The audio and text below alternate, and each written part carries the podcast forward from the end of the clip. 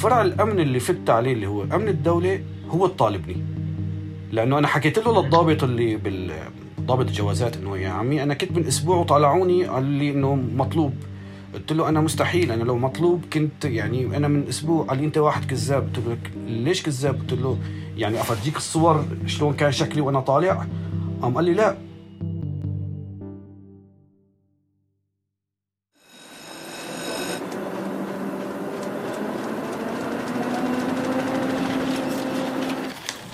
عنب بلدي. بودكاست.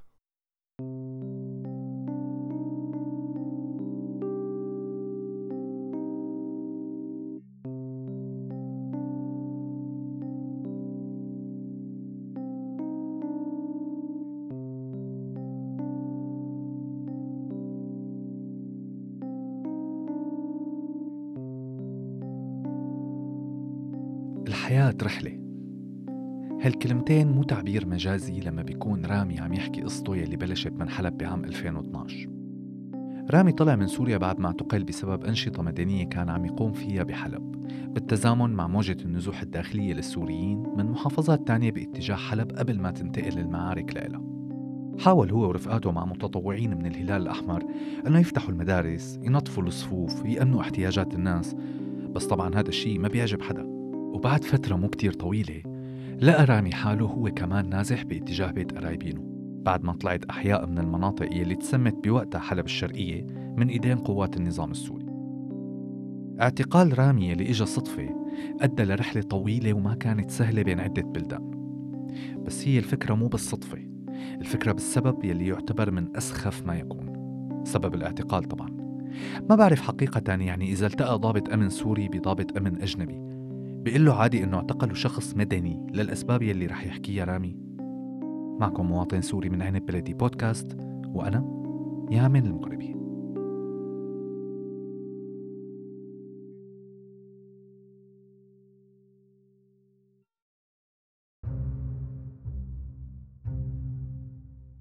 كنت عم بحضر مباراة دوري أبطال أوروبا.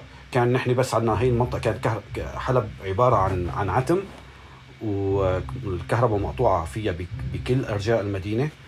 فكان في بس بعض المطاعم والكافيات اللي شغالة اللي فيها الدفا والكهرباء. فقعد أنا ورفقاتي عم بحضر آه، بعد يوم طويل من كنا عم نشتغل مع أو موجودين بال بال بالمدارس قلت لك. رجعان أنا بأمان الله.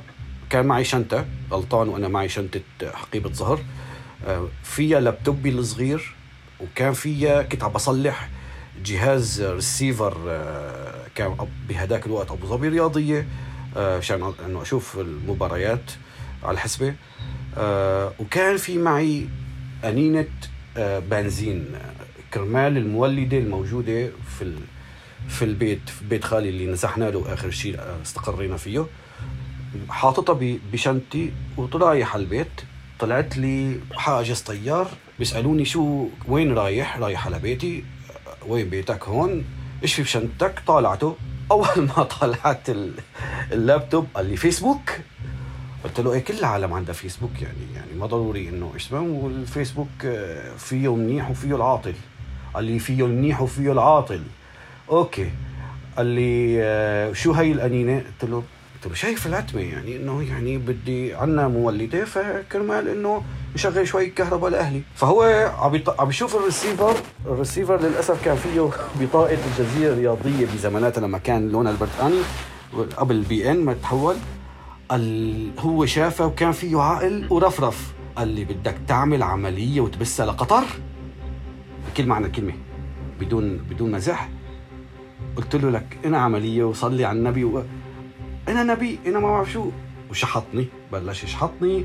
هو واللي معه كانوا هن ثلاثة ولك انت انت ما بعرف مندس وصاروا يحكوا وصاروا يحكوا كلام مو منيح وبنفس الوقت عم بضربوني وهذا الأب أنا بدي رجع أخوي على و...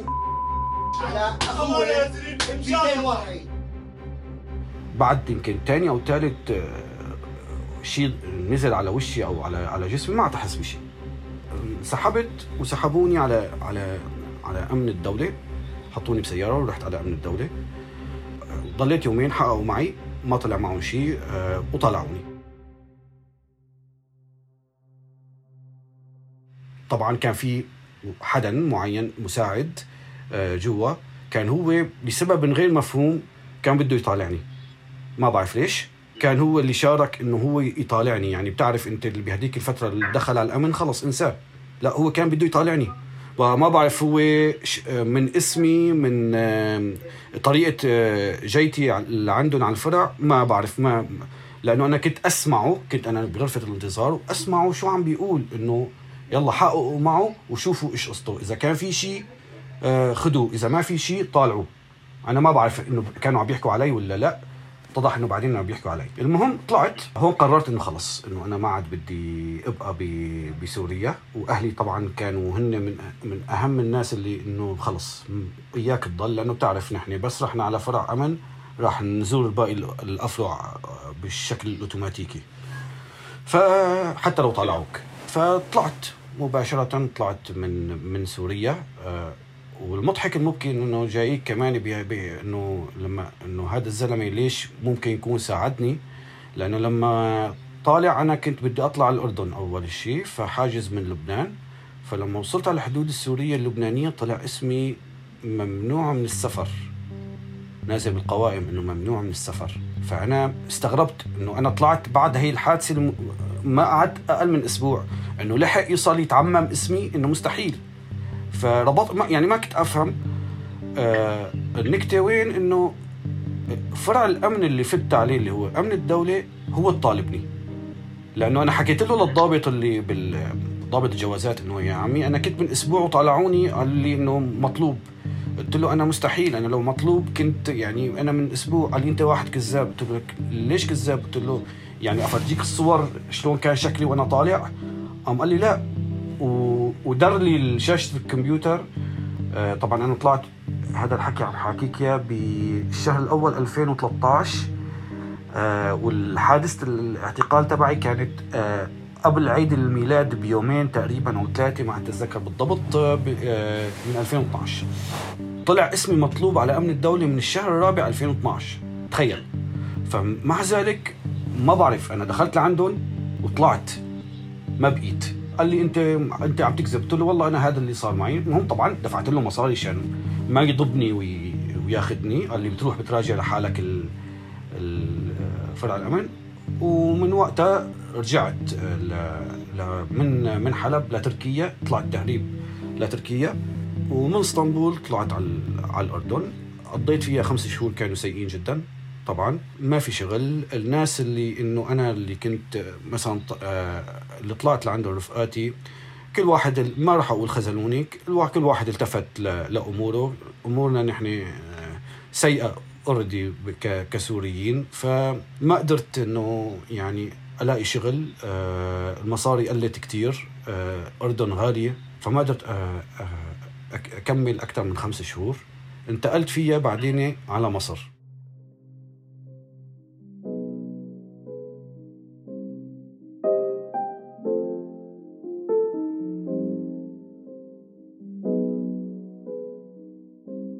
بين سنة 2011 و 2012 وصل آلاف السوريين لمصر.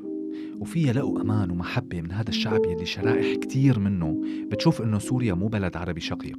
لا هي بلدهم بعد الوحدة يلي دامت تقريبا ثلاث سنين بين عام 1958 و 1961 فمشان هيك ما كان كتير مستغرب إنه يروحوا السوريين على مصر.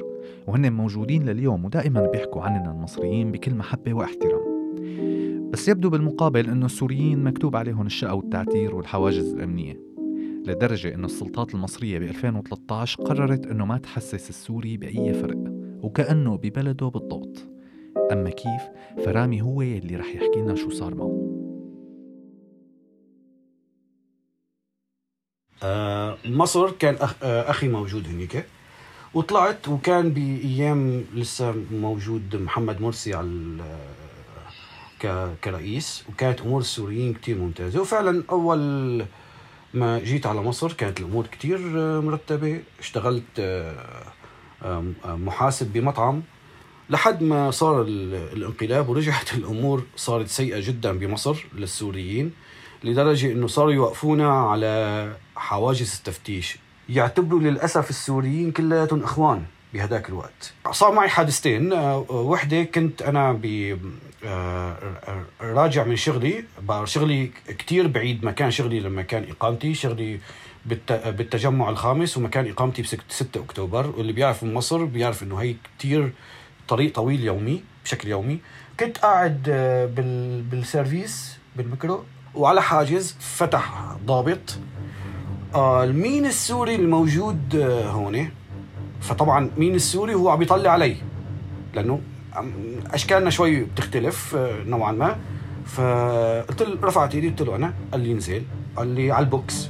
قلت له هي إقامتي هذا باسبوري كان طبعا حامله معي ما بقدر بلا قال لي لا على البوكس. هذا الحكي بت آه، بتحكيه بالاسم يعني بالمخفر قلت له طيب يعني أنا يعني كل وراي سليمة. قال لي على البوكس. ورحت على البوكس يعني اللي هي سيارة عربية الترحيلات والشرطة عنهم قعدت وكان يوم خميس وبقول أنا يعني ال- ال- المسخرة إنه هربنا من سوريا من بسبب القمع وخوف الاعتقال. جينا على نفس القصة بمصر. إجا ضابط تاني معدي لحسن حظي آه، فطلع. كنت أنا لحالي لسه هذاك الوقت بال- بالبوكس. قال لي أنت أنت إيه يعني؟ أنت شو؟ قلت له أنا سوري. طلع فيني هيك قال لي لا تهمتك إيه؟ قلت له لا تهمتي سوري. آه مش زلمة انصعق قلت له يعني شلون؟ قال لي شلون يعني تهمتك سوري؟ قلت له والله هيك هيك صار زميلك هيك حكى معي ومع إنه أنا هي إقامتي وهي باسبوري وقال لي على البوك قال لي على البوكس. عم طلع فيني هيك قال لي okay نزل يا ابني وتوكل على الله روح على بيتك. قلت له طب وزميلك؟ قال لي أنا عم بقول لك انزل روح. هذا كان ضابط كمان مثله. الحادثة الثانية بلش ال- ال- الحج... ال- الحظر عندهم طلعوا قرار حظر كان أول يوم حظر كمان راجع من شغلي بس كان الحظر بده يبلش الساعة 7 أنا خلصت الساعة 6 و 6 تقريبا 6 وربع وقفت تاكسي قلت له بتلحق تاخذني على. على. على 6 أكتوبر قام قال لي بده يبلش الح... الح- الحظر الساعة 7 طبعا ما حدا بيعرف شو ماهية الحظر. وكيف بدي يطبق لأنه كان هذا من من أول يوم قام قلت له طيب okay. قال لي لا خلاص بطلعك بركي بنلحق طلعنا وصلنا على منطقة كان بلش الحظر بأنه نحن أنا بمشي بالطريق الدائري بيعرفوا الناس اللي بمصر الطريق الدائري دائما زحمة. ف وكان قبل فترة الحظر فكان الزحمة شديدة لبين ما خلصنا منه رحنا على على منطقة نسيت والله شو اسمها بالضبط بس وقفنا.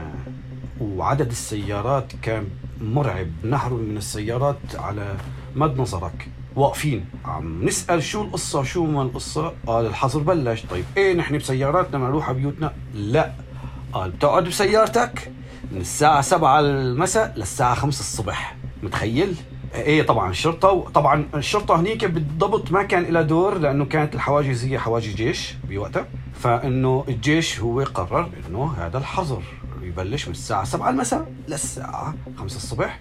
طبعا أنا قاعد بتاكسي بس في ناس قاعدة بسرافيس مع أطفالها مع ناس كبار بالعمر. فتخيل أنت الكارثة. فالشوفير التاكسي كان كتير ناقم على هي القصة ويبدو اتجاهه مضاد جدا لحكم العسكر. قال لي بدي أوصلك. قلت له خلص يعني مشان أنت ما تنضر. قال لي لا أنا بدي أوصلك. حاولنا نم- نمرق بمغامرة كانت كتير آه، رهيبة. أخذني بطرق وصحراوية فاضية مرعبة. المهم لبين ما وصلنا على 6 أكتوبر ب 6 أكتوبر كمان كان واقف السيارات نفس الموقف. وقفنا قال لي قلت له خلص يا عمي إنه أنا ما في مجال. دقيت لرفيقي قلت له إذا في حدا في منطقة اسمها الشيخ زايد قبل 6 أكتوبر كنا بهذا الاستراد. قلت له إذا في عندك آه، حدا يحطني في ال في ال عنده من رفقاتك؟ قال لي بس استنى شوي. وبحكيك. هون كان ال- ال- الشوفير مقرر إنه يوصلني ما بعرف ليش مقرر إنه يوصلني. ففي كان شارع موازي للاوتوستراد آه، غير منار. قال لي بدي أطلع من هنيك أنا بعرفه.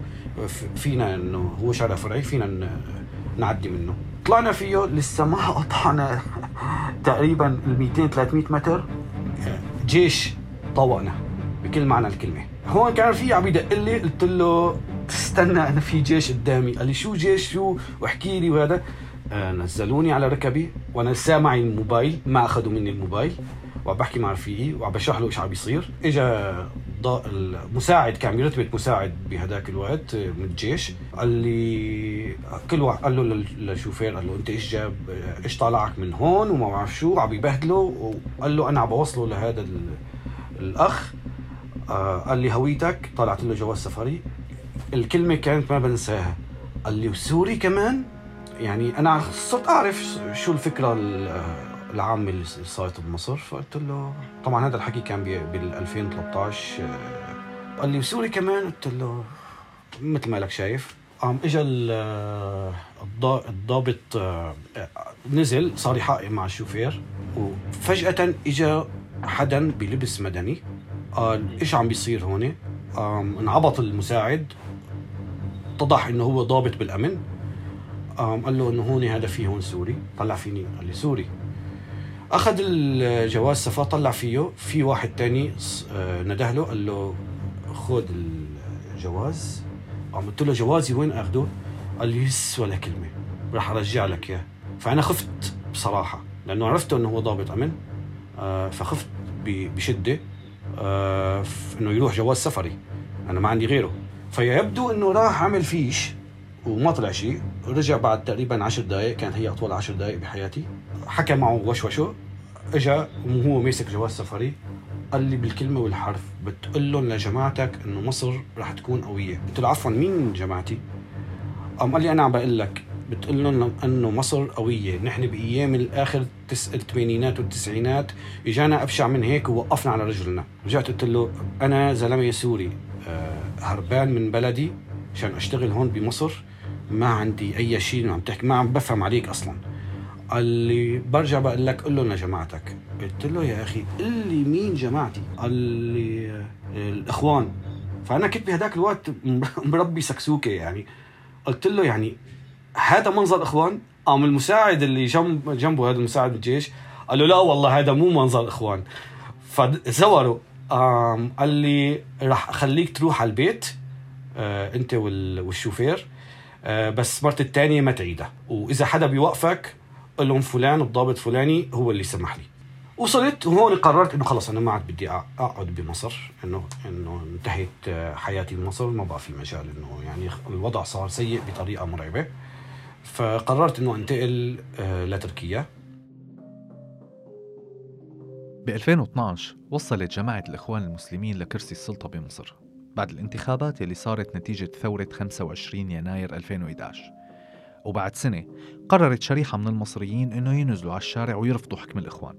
ساندهم الجيش وتولى الحكم الرئيس الحالي عبد الفتاح السيسي بعد ما تولى الجيش السلطة بشكل مؤقت وحطوا وقتها رئيس مؤقت اسمه عدلي منصور. تعرض السوريين وقتها بمصر لأبشع معاملة ممكنة من قبل السلطات المصرية بالإضافة لشريحة من الشعب المصري بالتزامن مع حملة إعلامية ضخمة. ما ضل شي ما انحكى ويلي تعرض له رامي هو غيض من فيض وحكاية من عشرات الحكايات يلي تعرضوا لها السوريين هنيك وبالتالي كانوا السوريين ضحية السياسات الداخلية بمصر سواء أيام الإخوان أو أيام العسكر على حد سواء. وبالتالي اضطر رامي إنه يتحرك باتجاه بلد تاني كانوا عم يتوافدوا عليه السوريين بهديك الفترة وهو تركيا. وصل على غازي عنتاب يلي هي ولاية بجنوب تركيا على أمل إنه يلاقي شغل. بس يعني كمان في محطة جديدة وضغط جديد رح يتعرض له رامي. نزلت على تركيا. آه، أول هي فترتي بتركيا بتنقسم لمرحلتين. مرحلة سيئة جدا ومرحلة آه، آه، منيحه كتير. المرحلة السيئة جدا لما اول ما جيت على مصر كان كنت شبه يعني مو شبه مفلس بكل معنى الكلمة. استقبلني رفيقي مشكورا. لبين ما ألاقي شغل أحاول أدور على شغل. طبعا ما في حدا لأنه أنا مالي ضمن ضمن شلة حدا للأسف. يعني ما كتير بحب أتطرق بهي ال- القصة كتير. أنا مالي مالي بشلة حدا. فصرت أدور على شغل وما الاقي لدرجة إنه بيوم من الأيام رفيقي إجوا أهله آه، من السعودية فاضطريت إنه أطلع من البيت آه، من بيته. فأنا ما عندي شيء ما معي مصاري آه، فبوقتها عن جامعة غازي عنتاب حطيت راسي ونمت على واحد من المقاعدة لأنه ما ما عندي مكان إنه أبات فيه. والرفقاتي اللي كنت مفكرهم هن رفقاتي بهذاك الوقت ما حدا يرد علي. كل واحد ملتهي بحاله. فلحد في صبية الله يذكرها في الخير آه، طبعا تعرفت عليها كنت من آه، جديد. آه، طبعا مالي موانع عليها. كان عندي موعد معها تاني يوم. هي حدا يعني كتير قلبه كبير هي أم. فبكل معنى الكلمة. فلما شافتني انه أنا تعرفني إنه عادة بهذا الوقت بكون نايم. دقت لي شافتني أنا بالشارع. رامي أنت؟ وحاكي لها إنه ممكن يكون رفيقي يجوا أهله واطلع إنه رامي أنت وينك؟ قلت لها بالشارع. آه، يعني إنه برا البيت ما قلت لها بالشارع. قام هي لحالها ما بعرف دريت أو هذا. قالت لي وين نمت امبارح؟ قلت لها نمت دبرت راسي. قالت لي وين نمت رامي؟ قام قلت بالجامعة. قام طقتني بهدلة على طولي وعرضي. وإجت واخذتني بإيدي وحطتني ببيت مع مع حدا تعرفه يعني من الشباب. يعني هذا كان موقف ما بنساه بحياتي لحدا إنه فعليا شالني من الشارع. هون آه، صرت أدور على أي شيء ممكن ألاقيه أشتغله يعني بتركيا. آه، لحد ما إنه عن طريق آه، حدا بعرفه بكندا بيعرف حدا إنه بده يعمل منظمة جوا جوا سوريا. قال لي بتنزل قلت له أنا اللي بنزل ما عندي مشكلة. نزلت على منبج مدينة منبج بسوريا هي بريف حلب. كان شغلتي هي إعادة ترميم المدارس. كان في عنا 5000 آه، آه، طفل متسرب آه، بريف حلب الشرقي. آه، فكانت شغلتي هي آه، أعيد ترميم المدارس آه، احتياجاتها. شو لازم آه، قديش بتكلف لحتى نفتح. قدرنا نرم نرمم شي ثلاث مدارس تقريبا. ما بيهمني إنه أقعد تركيا لأنه لقيت رجعت حالي مرة تانية إنه أقدر أساعد الناس بأي طريقة كانت. حتى إنه آه، تعرفت كثير على أهل منبج من الناس اللي مثقفين جدا. آه، حرفيا كان فيني أطلع على تركيا أو يمكن أروح على الأردن أو مصر. أسهل من انه أشوف أهلي بحلب. 80 كيلومتر بيني وبين أهلي على الضبط وما أقدر أشوفهم. الشعور كان كتير سيء إنه أنت أهلك ليكن على مرمى حجر وما تقدر آه، تشوفهم. فهي كانت آه، من أحد الضغوطات النفسية اللي كنت أعانيها بهداك الوقت. وطبعا آه، النت عندهم ليس بالجودة الكافية إنه تقدر تشوف تسمع صوتهم دائما. الكهرباء دائما مقطوعة بحلب. آه، وضع ال- آه، الوضع الداخل كان كتير كارثي بهداك بهداك الوقت. فضليت آه، بمنبج لحد ما اجتاحتها داعش. آه، طبعا أنا بهداك الوقت وحاولنا نعمل مثل برلمان مدني. هيئات من الهلال الأحمر آه، من الدكاترة آه، من ال- المعلمين الهيئة التدريسية اللي كانت هنيك من الناس المدنيين اللي بدها إنه كرمال بالنسبة كانت فكرتي إنه نخفف سطوة العسكر اللي موجودة هنيك. كرمال ما حدا يعني يفرض شيء ما بده ما بدهم اياه أهل المدينة. فعجبتهم كتير الفكرة. كان في حدا صديق منبجي كان آه، هو يروح معي لحتى بتعرف أنا حلبي أعتبر آه، شوي لبين ما, بيعرفوني كتير منيح ما عندهم ثقة كتير هذا فكان هذا الشاب آه، معي. حاولنا نعمل شيء آه، آه، منيح. ما قدرنا نكمل. كنا كنا عايشين بهداك الوقت. عن جد لما عشنا بهاي الفترة بمنبج كانت من أحلى الفترات اللي كنت بتمناها تتكرر ب بنسخ ل- ل- لكل سوريا. كان فيها حياة صحفية فيها فيها فيها أنشطة ثقافية. يعني حياة بكل معنى الكلمة. والعسكر هن كانوا عم عم عم بيضبطوا مثل ما بقولوا حدود المدينة وفي كان بلشت شرطة مدنية موجودة جوا ال- المدينة. يعني كان من ال- الحالة بهداك الوقت كانت جدا مدهشة بكل معنى الكلمة. لبين ما دخلت داعش اجتاح قبل ما اجتاح المدينة آه، اجت بوقت عندنا الشرطة المدن المدنية شرطة ال- المدينة وقالت لي إنه أنت لازم تطلع قلت لها أنا قلت لهم أنا مالي علاقة إيش ليش بدي أطلع؟ أنا يعني لا ما حملت سلاح ولا لي علاقة في القصة وأنا برا من المدارس. قالوا لي لا أنت اسمك جاي من الناس اللي بدهم إياه. اياهم داعش. أنا استغربت إنه بدون راسي الجماعة. لأنه ليش؟ كنت عم بع إنه أنا بالنسبة لهم علماني كافر. بدي آه، أعمل برلمان مدني و... وما بعرف شو هالقصص المدنية هي اللي ما كويسة بالنسبة لهم. هربت حرفيا. بكل معنى الكلمة هربت. آه، أنا ورفيقي لأنه كنا يعني آه، محطوطين تحت إنه بس المسكنا كان في حاجز لداعش.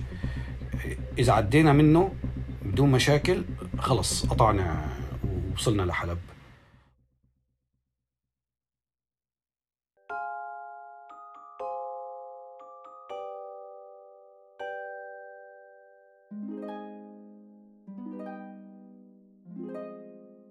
بعد ما طلع رامي من منبج ورجع على تركيا قدر إنه يلاقي شغل بوحدة من المنظمات المدنية بغازي عنتاب. هي الولاية كانت مليانة منظمات وشغل للعمل المدني. اشتغل رامي على محاولات دمج السوريين مع الأتراك خاصة مع ازدياد المشاكل بين الطرفين. وبعد سنتين وشوي تجوز وطلع على السويد ليشتغل بالصحافة الرياضية. مع وصلة رامي على السويد تطوع مع الصليب الأحمر لمدة سنة خاصة مع وصول آلاف المهاجرين السوريين لأوروبا. خروج هدول الآلاف من بلدهم ورامي وأنا وغيرنا ما أجا لأنه ما بنحب البلد. بالعكس بالعكس تماما. طلعنا لأنه بنحبها لأنه بدنا إياها تصير أحلى بلد بالعالم لأنه ما بدنا نوقف على حاجز أمني ولا بدنا إنه ننزل ببلدنا. عشر سنين من يوم ما طلعوا الناس وقالوا الشعب السوري ما بينزل. ومن وقتها العالم كله ما عم يحاول يعمل شيء غير إنه يذل السوريين. بس بكرة أحلى. يمكن تبين هي الكلمة اليوم سخيفة قدام كل شيء صار. بس للأسف ما بنملك إلا الأمل. كان معكم مواطن سوري من عنابلتي بودكاست وأنا يامن المغربي